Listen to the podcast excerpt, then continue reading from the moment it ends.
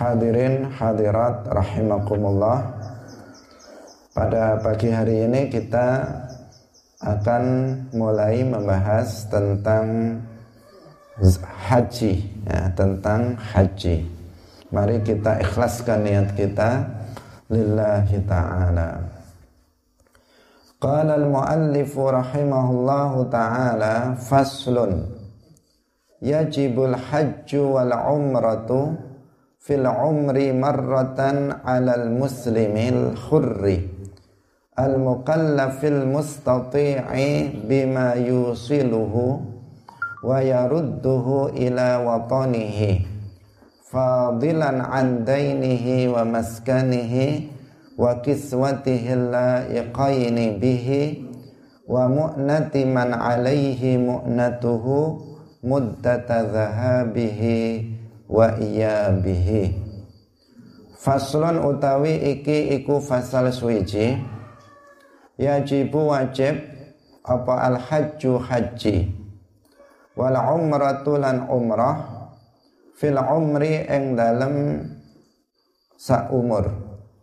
Fil umri ing dalem umur marratan kelawan ambalan sepisan alal muslimi ing atase wong kang Islam al hurri kang merdeka al mukallafi kang mukallaf al mustati'i kang kuasa kang mampu bima kelawan barang yusiluhu kang nekaaken apa ma ing wong wa yarudduhu lan balekaken apa ma ing wong ila watanihi maring negarane wong fadilan halih kang luweh andainihi sangking utange wong wa maskanihi lan panggonan tempat tinggale wong.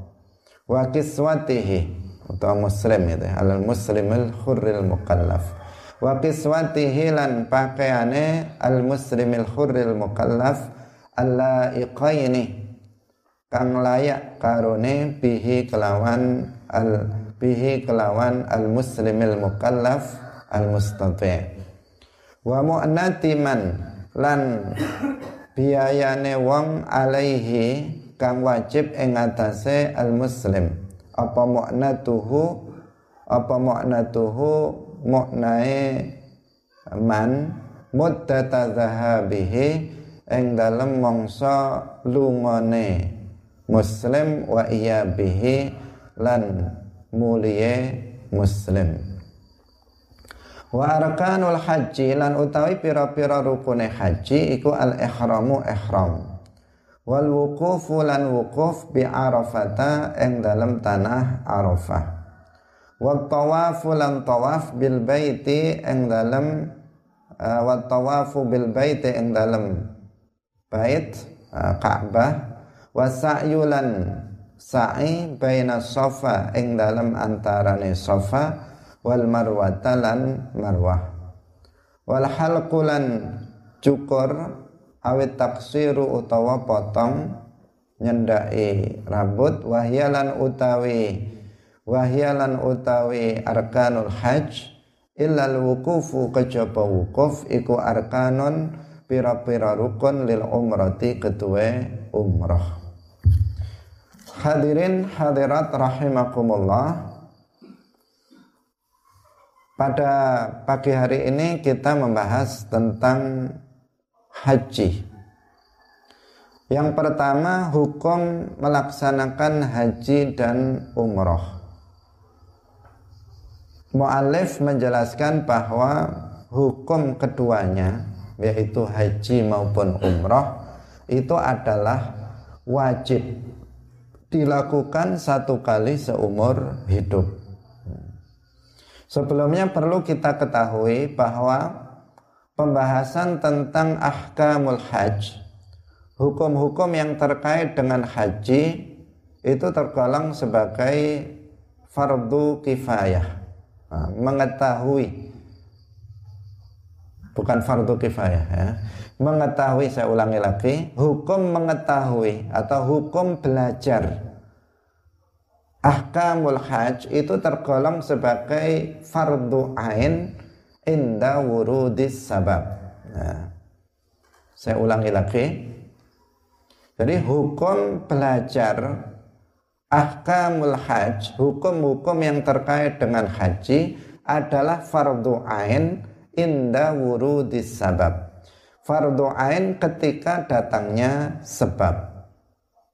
Tidak fardu ain fil hal, tidak fardu ain bagi setiap muslim tetapi fardu ain bagi seorang muslim yang telah berkewajiban melaksanakan haji yaitu misalnya dia telah memiliki kemampuan untuk pergi haji atau umroh jadi tidak begitu seseorang itu balik kemudian harus mengetahui ahkamul hajj tetapi apabila seseorang telah mampu untuk melaksanakan ibadah haji ataupun umrah, maka dia wajib untuk belajar ahkamul haji wal umrah. Untuk belajar hukum-hukum yang terkait dengan haji dan umrah.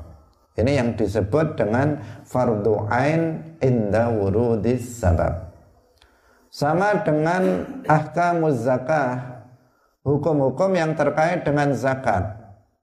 Ini juga wajib ketika ada sebab. Apa sebabnya? Yaitu ketika seseorang memiliki mal zakawi, memiliki harta yang apa namanya yang wajib dikeluarkan zakatnya dan telah memenuhi ketentuan-ketentuan misalnya sudah mencapai nisab dan seterusnya. Nah, maka di sini dia baru berkewajiban untuk belajar ahkamu apa az-zakah. Kalau seseorang itu misalnya miskin, dia nggak berternak, dia nggak berdagang, dia nggak memiliki emas dan perak misalnya, dia juga tidak bertani. Nah, dia sama sekali nggak memiliki mal zakawi. Maka jika dia tidak belajar tentang ahkamuz zakah, maka dia tidak berdosa. Maka dia tidak berdosa. Demikian juga ahkamul hajj. Apabila kita daftar belum, harta tidak memiliki untuk bisa pergi haji, tidak memiliki biaya untuk berangkat haji misalnya, maka kita belum berkewajiban untuk belajar ahkamul haji. Hukum yang terkait dengan haji ini belum wajib ain ketika itu. Wajib ainnya kapan? Ketika kita misalnya sudah daftar sudah ada jadwalnya untuk berangkat haji tahun ini. Maka kita wajib mempelajari hal-hal ilmu yang terkait dengan masalah haji ini sama juga dengan ahkamun nikah hukum yang terkait dengan masalah pernikahan, masalah tolak dan sebagainya. Itu juga wajib dipelajari oleh setiap muslim berarti fardu ain yang telah uh, apa namanya mau menikah. Ketika dia sudah ada calonnya, ditetapkan tanggal pernikahannya, maka dia wajib untuk belajar ahkamun nikah Ketika itu menjadi fardu ain bagi dia untuk mempelajari ahkamun nikah. Nah, karena jika dia tidak belajar tentang hukum-hukum itu, maka di sini dia dalam bahaya.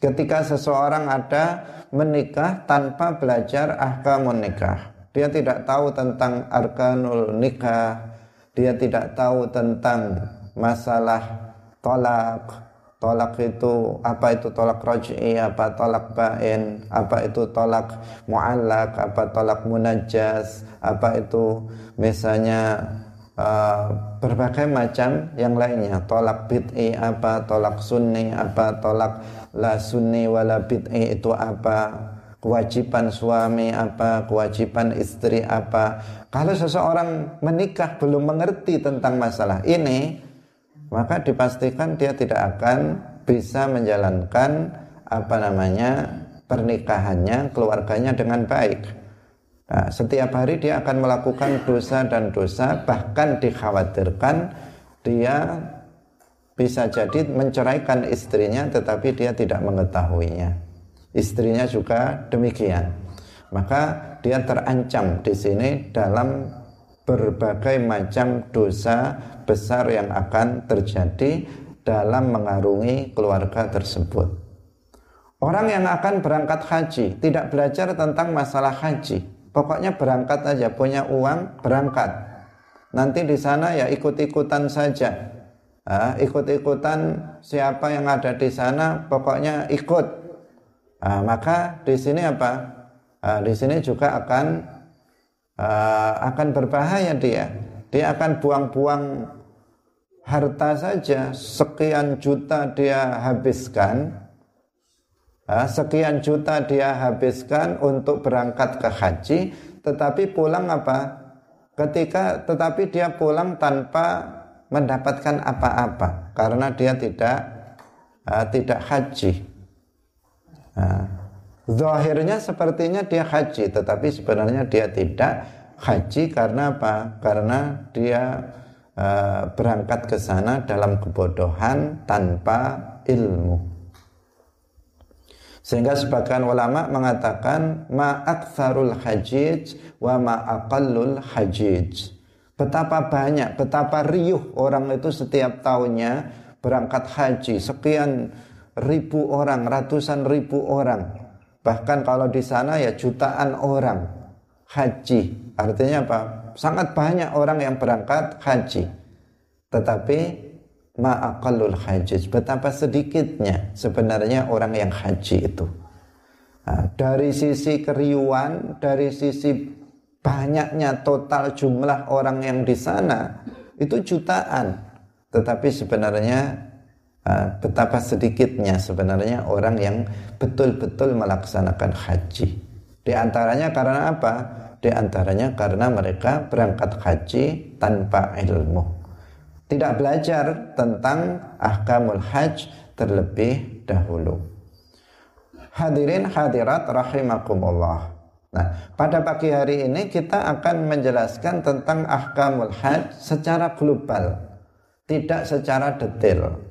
Nah, karena uh, kebanyakan di antara kita yang di sini apa namanya uh, tidak atau belum mungkin belum mendaftar atau mungkin malah uh, nggak memiliki harta untuk daftar haji ataupun umroh.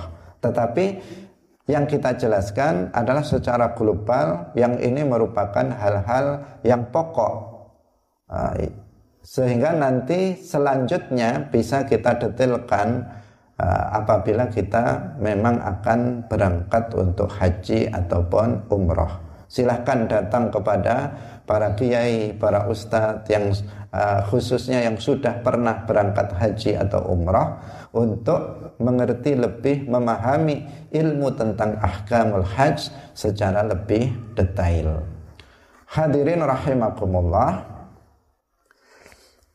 Haji itu wajib hukumnya satu kali seumur hidup. Demikian juga umrah dalam mazhab syafi'i Haji itu wajib satu kali seumur hidup, umrah itu wajib dilaksanakan juga satu kali seumur hidup. Apa perbedaan haji dan umrah? Haji itu artinya qasdul ka'bati bi af'alin makhsusah. Menuju Ka'bah dengan perbuatan-perbuatan yang tertentu yang akan dijelaskan dalam pembahasan ini. La umrah itu ziaratul ka'bati bi, af'alin ma'lumah. Nah, umrah itu adalah menziarahi, mendatangi Ka'bah dengan perbuatan-perbuatan yang sudah tertentu juga. Jadi yang satu qasdul Ka'bah, yang satu ziaratul Ka'bah. Karena untuk umrah ini tidak ditentukan waktunya. Kapan-kapan kita bisa datang ke Makkah untuk mengunjungi Ka'bah uh, berziarah Ka'bah meskipun ada uh, nanti juga rukun-rukun umroh. Uh, hampir sama rukun umroh dengan rukun haji, hanya satu yang membedakan yaitu wukuf di Arafah. Kalau kalau haji itu ada rukun yang namanya al-wukuf bi Arafah, kalau umrah itu tidak ada wukuf di Arafahnya. Nah, itu salah satu atau pembeda antara haji dan umrah. Hadirin rahimakumullah. Lah, kewajiban melaksanakan ibadah haji ini adalah kewajiban yang sifatnya muasa. Muasa itu longgar. Longgar hingga meninggal dunia. Kalau seseorang misalnya sekarang sudah mampu untuk berhaji, tahun ini mampu, tetapi dia tidak melaksanakan ibadah haji, apakah langsung berdosa? Jawabannya tidak. Tidak langsung begitu mampu nggak haji kemudian dia berdosa, tidak. Tetapi dia jika menunda, misalnya tahun ini sudah bisa haji, oh nanti sajalah nanti sajalah, nanti sajalah, sampailah kemudian dia meninggal dunia dalam keadaan belum melaksanakan haji, maka pada saat inilah dia jatuh kepada dosa. Itu yang disebut apa? Kewajiban yang muasa. Jadi kewajiban itu ada yang sifatnya muasa, ada yang tidak yang tidak itu berarti ya hari itu juga waktu itu juga harus dilaksanakan. Jika tidak maka dia akan berdosa. Tetapi kalau muasa boleh ditunda asalkan jangan kedahuluan sampai mati. Dia menundanya sampai uh, apa namanya ajal menjemput dia. Maka di sini nanti dia akan jatuh kepada dosa. Haji itu seperti itu. Misalnya dia sudah mampu pada tahun ini harta banyak juga ada peluang dia untuk bisa berangkat haji secepatnya. Dia hartanya melimpah-limpah. Kalau orang biasa haji itu harus menunggu sekian sekian tahun. Kalau di Indonesia misalnya sampai 20 tahun lebih, lah dia dengan hartanya yang banyak bisa melalui jalur khusus misalnya. Kemudian ah nanti aja haji tahun depan tahun depan juga dia mengatakan nah nanti aja tahun depannya lagi dan seterusnya. Nah, ditunda-tunda sampai tiba-tiba dia mati maka di sini dia akan berdosa. Ketika dia mati itulah maka dia berdosa. Tetapi ketika dia masih belum mati maka dia belum berdosa karena dia masih berniat untuk haji pada tahun berikutnya. Nah, hadirin hadirat rahimakumullah Padahal seseorang tidak tahu dia akan mati, kapan dia akan mati. Ada sebagian orang yang berangkat haji itu takut punya harta banyak dan bisa untuk haji. Tetapi dia takut nanti mati di di Makkah atau di Madinah. Nah, banyak orang yang menginginkan mati di Makkah dan di Madinah, dia ketakutan karena selama ini di dunia apa di mana di tanah airnya dia banyak melakukan dosa. Bisa jadi uangnya juga uang korupsi misalnya. Maka dia juga ketakutan kalau nanti di sana akan mendapatkan balasannya. Nah hadirin hadirat rahimakumullah. Jadi haji itu wajib hukumnya tetapi bersifat muasa atau longgar. Bisa ditunda tetapi jangan sampai kedahuluan mati. Nah ini yang jadi masalah itu nggak tahu seseorang kapan dia mati. Artinya apa? Nah, artinya ya tidak seyogianya seseorang itu menunda-nunda pelaksanaan ibadah haji jika dia memang sudah mampu. Nah, kalau misalnya dia sudah memiliki banyak harta, tetapi apa? Dia harus menunggu 20 tahun karena begitu peraturannya harus menunggu sekarang bahkan sampai 30 tahun. Daftar sekarang 30 tahun yang akan datang baru bisa berangkat. Makanya bagi orang yang mampu hendaknya anak yang masih kecil segera didaftarkan. Misalnya masih umur 10 tahun masih umur 15 tahun segera didaftarkan. Karena kalau 10 tahun itu daftar 30 tahun berarti berangkat umur 40 tahun. Nah, dia masih sehat-sehatnya karena ibadah haji itu membutuhkan fisik yang sehat. Nah, karena apa? Karena misalnya tawaf, tujuh kali tawaf. Itu kalau nggak kuat, nggak sehat, ya nggak mampu. misalnya apa namanya sa'i baina safa war marwah itu betul-betul membutuhkan tenaga kalau enggak misalnya sudah tua baru ikut apa namanya itu maka dia akan berat. Nah, kecuali yang dimudahkan oleh Allah Subhanahu wa taala. Ini secara pandangan secara apa? Secara zahir. Kalau orang tua kok haji maka ketika umrah dia sudah kesulitan. Mungkin dia uh, bisa ya pakai kursi roda atau yang lainnya. Tetapi dia tidak akan bisa menikmati seperti halnya orang yang uh, sehat ketika haji ataupun umrah karena bukan bukan dekat nah, misalnya mengelilingi Ka'bah itu ya membutuhkan tenaga yang super kuat apalagi sa'i Sa'i itu kalau dihitung misalnya bolak-balik tujuh kali itu bisa berapa kilo saja itu. Nah, itu semuanya membutuhkan tenaga. Nah, maka bagi orang yang mampu memiliki harta yang melimpah, uh, jangan ditunda untuk segera mendaftarkan diri haji karena itu mengingat daftar tunggunya yang lama. Jika ada seseorang sudah daftar, dia memiliki harta melimpah, tapi dia harus nunggu sekian tahun. Dalam penantian itu dia mati, apakah dia berdosa? Jawabannya tidak, karena dia belum mampu. Di sini mampu itu nanti akan diterangkan adalah dia ada sesuatu yang bisa menghantarkan dia ke sana dan mengembalikannya ke sini lagi. Nah di sini nggak ada kendaraan yang bisa membawa dia ke sana atau mengembalikannya kembali ke tanah airnya. Nah, maka di sini tidak berdosa. Nah, tetapi dia sudah daftar, nah, dia sudah mendaftarkan diri. Hadirin hadirat rahimakumullah. Karena uh, haji di Indonesia juga di negara-negara lain itu sudah ada mekanismenya melalui pemerintah. Ah, melalui pemerintah dan ada uh, apa namanya visa khusus untuk haji ataupun umroh. Hadirin hadirat rahimakumullah. Meskipun pada dasarnya hal yang seperti itu itu tidak ada aturannya dalam syarak. Nah, semua orang bisa haji, semua orang bisa umroh. Nah, untuk apa namanya ke sana. Tetapi sekarang ada negara yang mengatur baik itu Saudi Arabia maupun negara Indonesia tempat tinggal kita memiliki peraturan-peraturan. Nah, kalau pada masa lalu itu tidak demikian. Makkah Madinah itu milik umat Islam, bukan milik Saudi Arabia.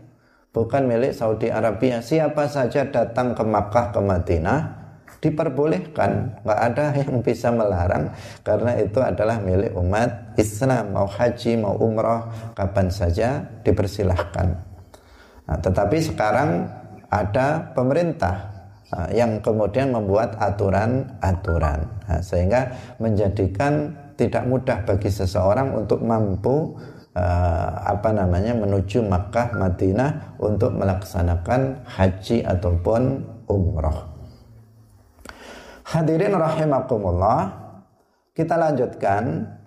Orang-orang yang wajib melaksanakan haji dan umrah adalah alal muslimil hurril mukallafil mustati' yaitu seorang muslim merdeka, mukallaf dan mampu.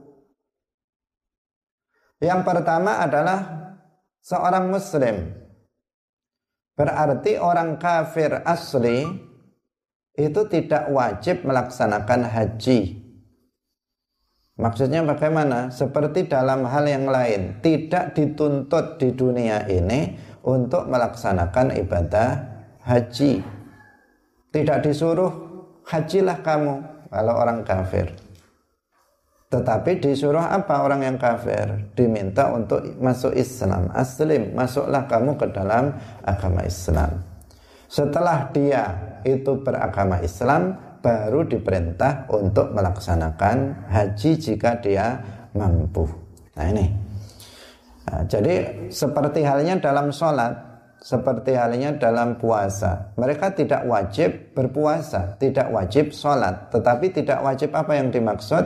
Tidak wajib mutolabah, tidak wajib diminta untuk melaksanakan sholat.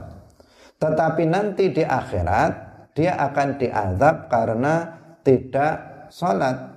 Di akhirat dia akan diazab karena tidak puasa. Di akhirat dia akan diazab karena tidak melaksanakan haji. Tetapi jika dia haji, tidak sah hajinya. Nah, ini orang kafir. Sehingga sering kita sampaikan orang kafir itu maju kena, mundur kena. Dia misalnya melaksanakan sholat, puasa, haji juga nggak sah.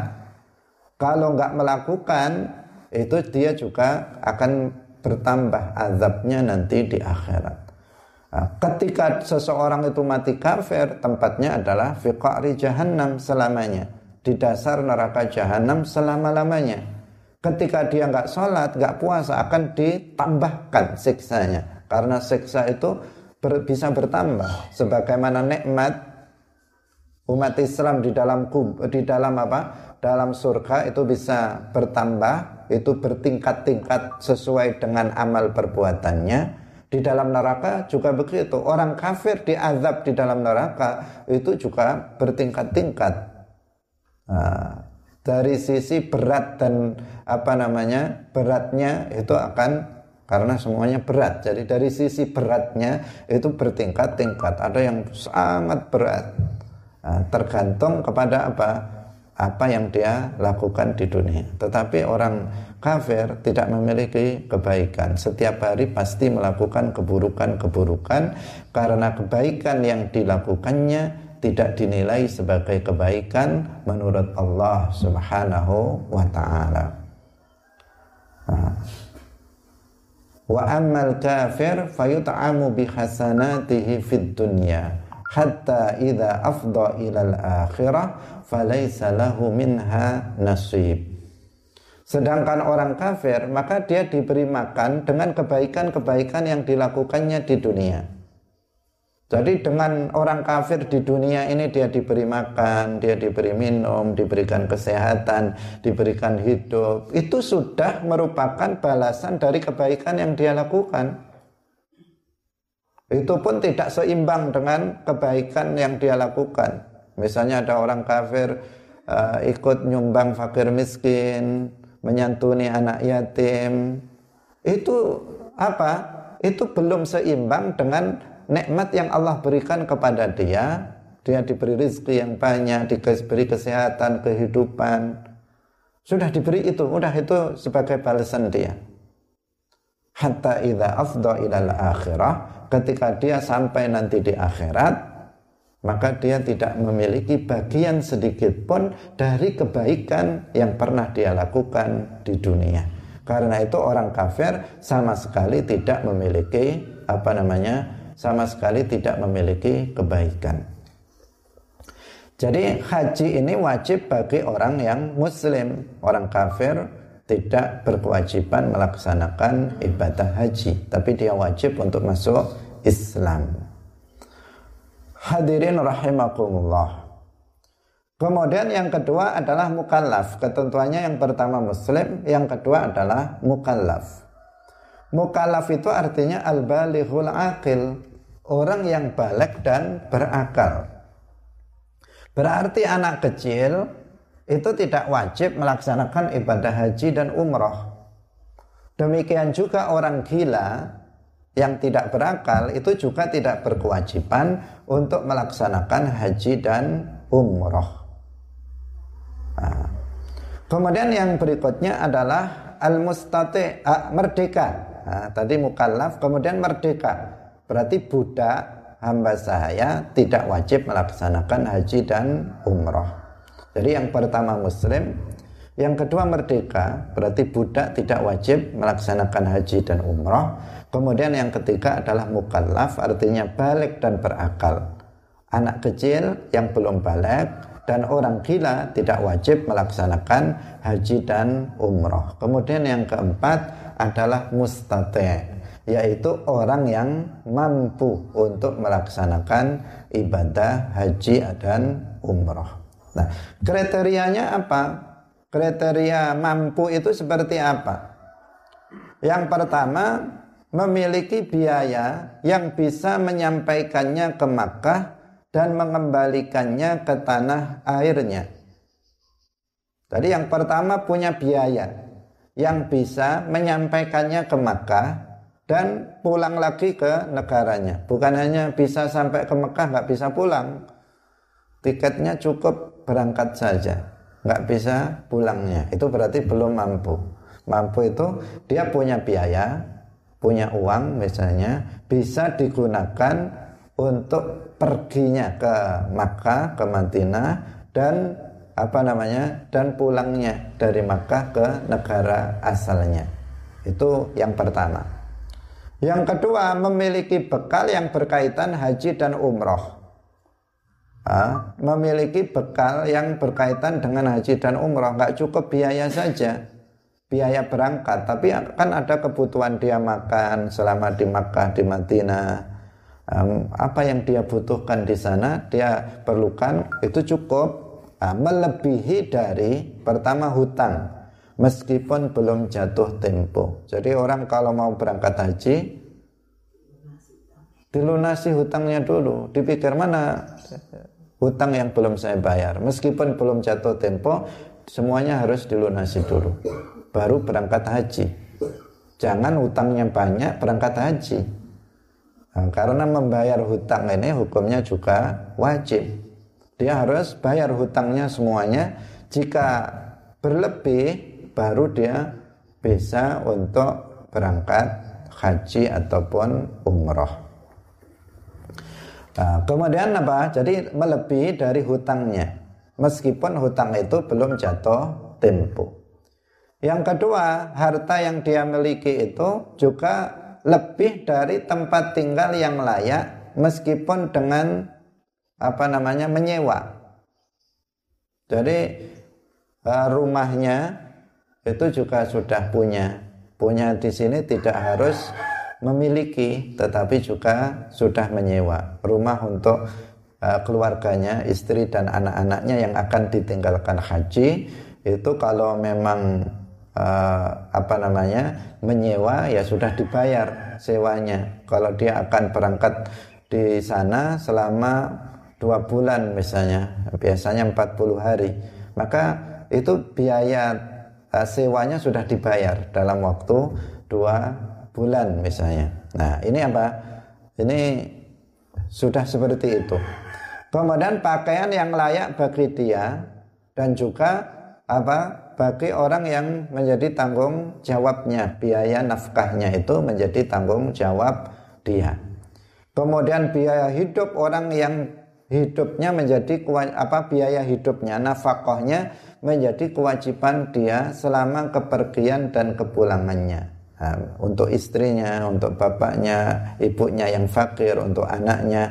Itu sudah uh, sudah terpenuhi semuanya untuk jangka waktu 40 hari ke depan. Sudah semuanya terpenuhi pakaian, tempat tinggal, kemudian untuk kepentingan dia, biaya dia itu cukup bisa membayar apa namanya ongkos haji pulang dan pergi. Maka dia di sini baru dikatakan mustate berarti dia mampu untuk uh, berangkat haji atau umroh.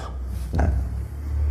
Tetapi apabila nggak seperti itu, misalnya dia bisa membayar ongkos biasa biaya haji pulang dan pergi, tapi hutangnya masih numpuk misalnya, Nah, maka dia bayar hutangnya dulu. Kalau memang masih mencukupi baru bayar untuk haji dan umroh. Atau misalnya dia pergi haji dan apa namanya umroh, tetapi anak istrinya terlantar kelaparan, dibiarkan kelaparan di rumah, nggak diberi, nggak ditinggali dengan biaya hidup mereka. Di sini juga tidak selayaknya seperti itu. Nah, tetapi kalau ada orang memaksakan diri misalnya, Nah, tetap berangkat bahkan haji umroh misalnya apa namanya malah hutang untuk pergi haji ataupun umroh nah ini nanti apa namanya hajinya ya tetap sah umrohnya tetap sah tetapi uh, tidak dia akan meninggalkan apa namanya kewajiban lain. Dia apa namanya berusaha melaksanakan satu kewajiban tetapi dia meninggalkan kewajiban yang lain. Nah, seorang muslim tidak hendaknya seperti itu, tetapi semua kewajiban dilaksanakan. Apalagi haji atau umrah itu tidak wajib dilakukan jika seseorang tidak mampu. hanya wajib dilakukan jika mampu saja. Artinya jika ada seseorang tidak haji sampai akhir hidupnya dan dia memang tidak mampu yang nggak berdosa. Banyak para ulama banyak para kiai yang sampai mati tidak haji. Itu banyak. Apalagi pada masa lalu. Kalau pada masa sekarang dimudahkan. Pada masa yang lalu itu untuk berangkat haji dan umrah itu tidak mudah. Karena menggunakan kapal laut yang membutuhkan waktu yang sangat lama Nah, sehingga biayanya tentu juga lebih berat, nah, lebih berat daripada masa sekarang ini. Nah, jadi banyak sehingga para ulama bahkan para ulama besar itu yang nggak nggak pernah pergi haji itu ada. Nah, tetapi juga banyak yang juga melaksanakan ibadah haji karena haji ini tidak wajib bagi setiap muslim tetapi wajib bagi setiap muslim yang mampu. Nah, yang mampu dengan kriteria yang tadi sudah kita sampaikan. Hadirin hadirat kaum muslimin muslimat pemirsa yang dirahmati oleh Allah subhanahu wa ta'ala. Jadi hutang ini menjadi selalu menjadi prioritas ya. prioritas agar dipenuhi. Misalnya orang yang kemarin mengeluarkan zakat fitrah. Kapan dia wajib? Jika pada malam hari raya dia memiliki harta melebihi dari untuk bayar hutang. Salah satunya kan seperti itu. Untuk biaya uh, apa namanya hidup keluarganya besok dan malamnya. Nah, dalam haji ini juga begitu. Karena memang ini hutang ini harus menjadi perhatian bagi kita untuk menjadi prioritas untuk dibayar sebelum yang lainnya. Bahkan orang yang mati dalam keadaan membawa hutang dalam keadaan apa membawa hutang itu apa masih punya tanggungan hutang itu pun juga nanti akan kena masalah dia ketika di dalam kubur dan di akhirat. Nah, karena itu Nah, itu harus diutamakan. Pernah Nabi itu dalam sebuah riwayat kalau ada salah seorang yang meninggal, Rasulullah bertanya, apakah mayatnya punya hutang? Kalau dijawab punya, itu Rasulullah nggak mau mensolatinya. Nah, bukan berarti nggak boleh mensolati mayat yang punya hutang. Ini hanya perhatian dari Nabi. Nabi memerintahkan kalian yang sholat Solatinya, tapi Rasulullah tidak mensolatinya. Karena apa? Nah, karena menunjukkan pentingnya seseorang itu harus dibayarkan hutang-hutangnya. Tapi suatu pernah suatu ketika pernah ada sahabat yang meninggal ditanya apakah dia punya hutang dikatakan punya kemudian ada salah orang sahabat mengatakan saya yang menanggungnya kemudian Rasulullah mensolatinya nah, artinya kalau di kita itu biasanya seperti uh, ketika ada pemberangkatan mayit itu biasanya uh, kemudian ada yang menanggung. Keluarganya harus ada yang siap untuk menanggung hutang dari si mayit. Karena kalau enggak nanti ini dia akan kena masalah ketika di alam kubur dan di akhirat. Ketika dia masih memiliki tanggungan hutang. Misalnya keluarganya nggak ada yang mau wah hutangnya banyak saya nggak mau nanggung. Biar ditanggung dia sendiri nanti di akhirat. Maka ini anak yang uh, di sini bermasalah nanti. Kasihan yang mati. Uh, karena itu uh, hutang itu juga harus sebaiknya apa? Kalau hutang apalagi banyak itu ada saksi dan dicatat. Dikhawatirkan ada seseorang itu apa? Punya hutang tetapi nggak tahu keluarganya. Ya, keluarganya tidak tahu. sehingga nggak ada orang yang menanggung hutang dia sampai dia mati. Jadi kalau seseorang punya hutang ke orang lain hendaknya dicatat. Nah, kemudian ada saksi yang mengetahui saksi selain keluarganya yang uh, menyaksikan bahwa dia telah berhutang kepada orang lain agar ketika dia mati nanti ada orang yang menanggung hutang dia. Hadirin hadirat yang dirahmati oleh Allah Subhanahu wa taala. Kemudian kita lanjutkan pada pembahasan berikutnya wa arkanul haji al ihramu wal wuqufu bi arafah wa tawafu bil baiti was sa'yu baina safa wal marwata wal halqu awit taqsir. Rukun haji Rukun haji apa maksudnya? Yaitu amalan-amalan yang haji itu tidak sah tanpanya dan tidak bisa diganti dengan dam atau denda. Karena di sini dalam masalah haji itu ada perbedaan dengan istilah apa namanya dalam ibadah yang lain. Di sini ada rukun haji, ada wajib haji. Dalam haji itu ada namanya rukun haji, ada wajib haji. Kalau dalam sholat misalnya, rukun sholat itu ya fardu sholat. Rukun puasa itu ya fardu puasa. Nah, kalau dalam haji itu dibedakan antara far, antara rukun haji dan wajib haji. Nah, apa bedanya? Kalau rukun haji nggak bisa diganti dengan dam atau denda itu nggak bisa. Tetapi kalau wajib haji jika ditinggalkan bisa diganti dengan dam atau denda itu bisa. Nah, lah yang kita bahas sekarang ini adalah tentang rukun haji. Yang haji haji itu tidak akan sah kecuali amalan-amalan ini dilakukan jika ditinggalkan maka udah nggak sah dan nggak bisa diganti dengan dam. Harus mengulang tahun depan, harus mengulang tahun berikutnya. Nah, tidak tidak sah karena haji ini sudah memiliki waktu-waktu tertentu. Kalau itu dia misalnya misalnya dia tidak wukuf di Arafah yang merupakan salah satu rukun haji. Maka berarti dia harus tahun depan hajinya diulang lagi padahal biayanya banyak. Nah, ini untuk rukun haji. Nah, rukun haji itu ada enam. Yang pertama adalah ihram. Ihram itu adalah niat memulai nusuk, memulai amalan haji. Dari niat untuk memulai amalan ibadah haji.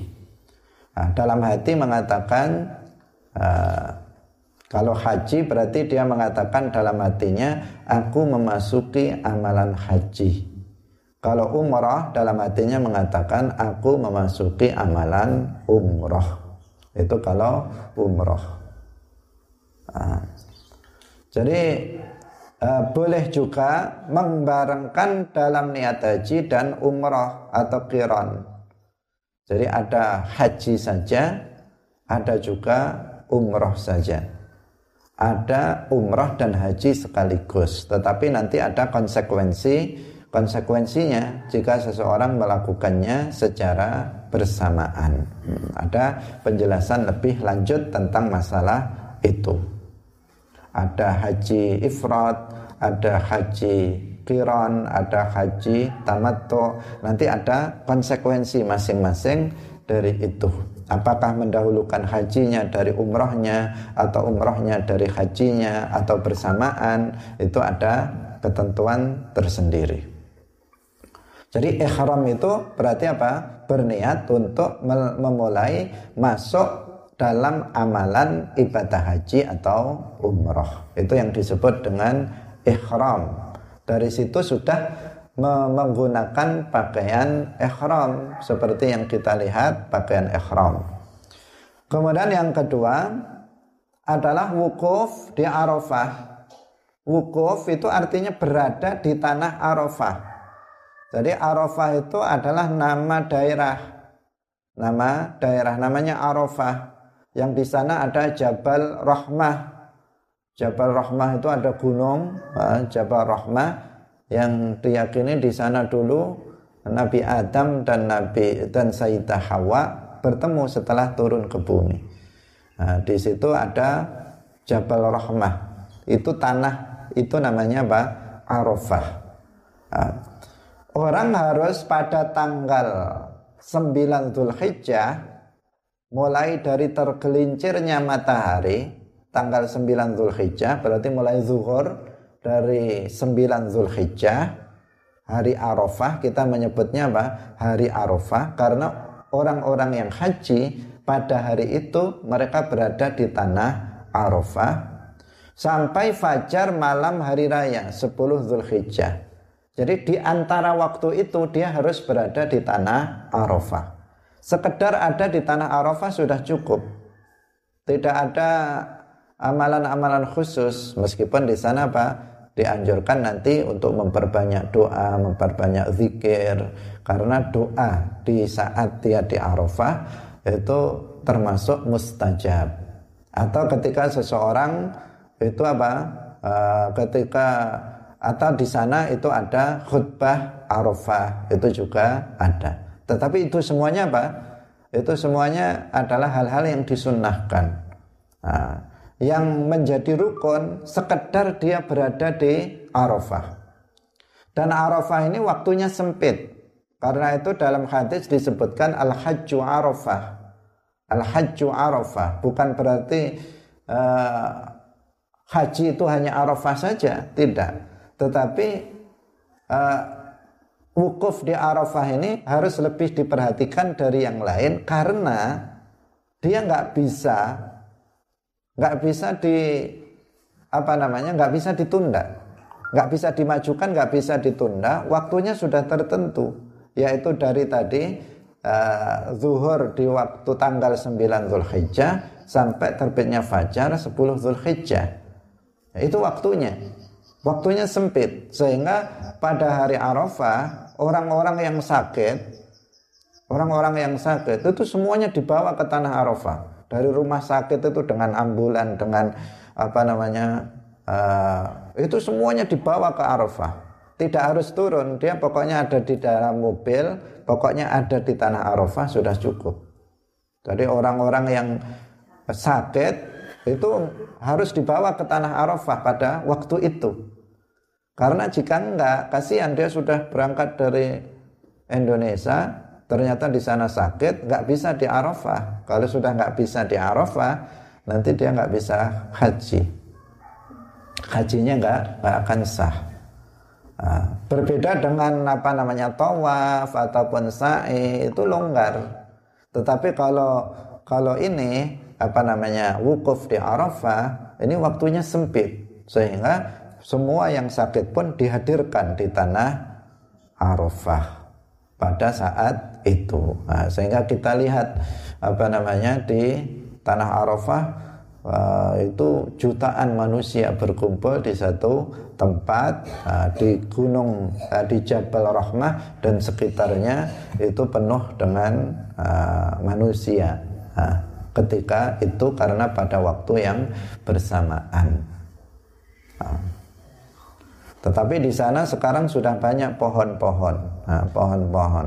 Berbeda dengan di daerah-daerah lain, di daerah Arafah sekarang sudah uh, tumbuh uh, apa namanya pohon-pohon yang artinya uh, bisa untuk berlindung bagi uh, para hujaj, orang-orang yang haji yang misalnya tidak kuat, tetapi tidak kuat dengan panasnya terik matahari di sana. Nah, seandainya Hadirin hadirat rahimakumullah. Yang berikutnya adalah tawaf. Ini insya Allah rukun yang tawaf sampai yang keenam insya Allah akan kita terangkan besok karena waktunya sudah habis. Nah, semoga bermanfaat. Semoga Allah Subhanahu wa taala memudahkan kita untuk pergi untuk berangkat haji ataupun umrah. Orang yang uh, pernah melaksanakan haji atau umrah maka dia uh, pasti akan menginginkan untuk kembali ke sana karena nikmatnya uh, dalam beribadah haji ataupun umroh. Uh, semuanya uh, jika Allah memudahkan maka tidak ada hal yang sulit bagi Allah Subhanahu wa taala. Barakallahu fikum wallahul muwaffiq ila aqwamit thariq. Wassalamualaikum warahmatullahi wabarakatuh.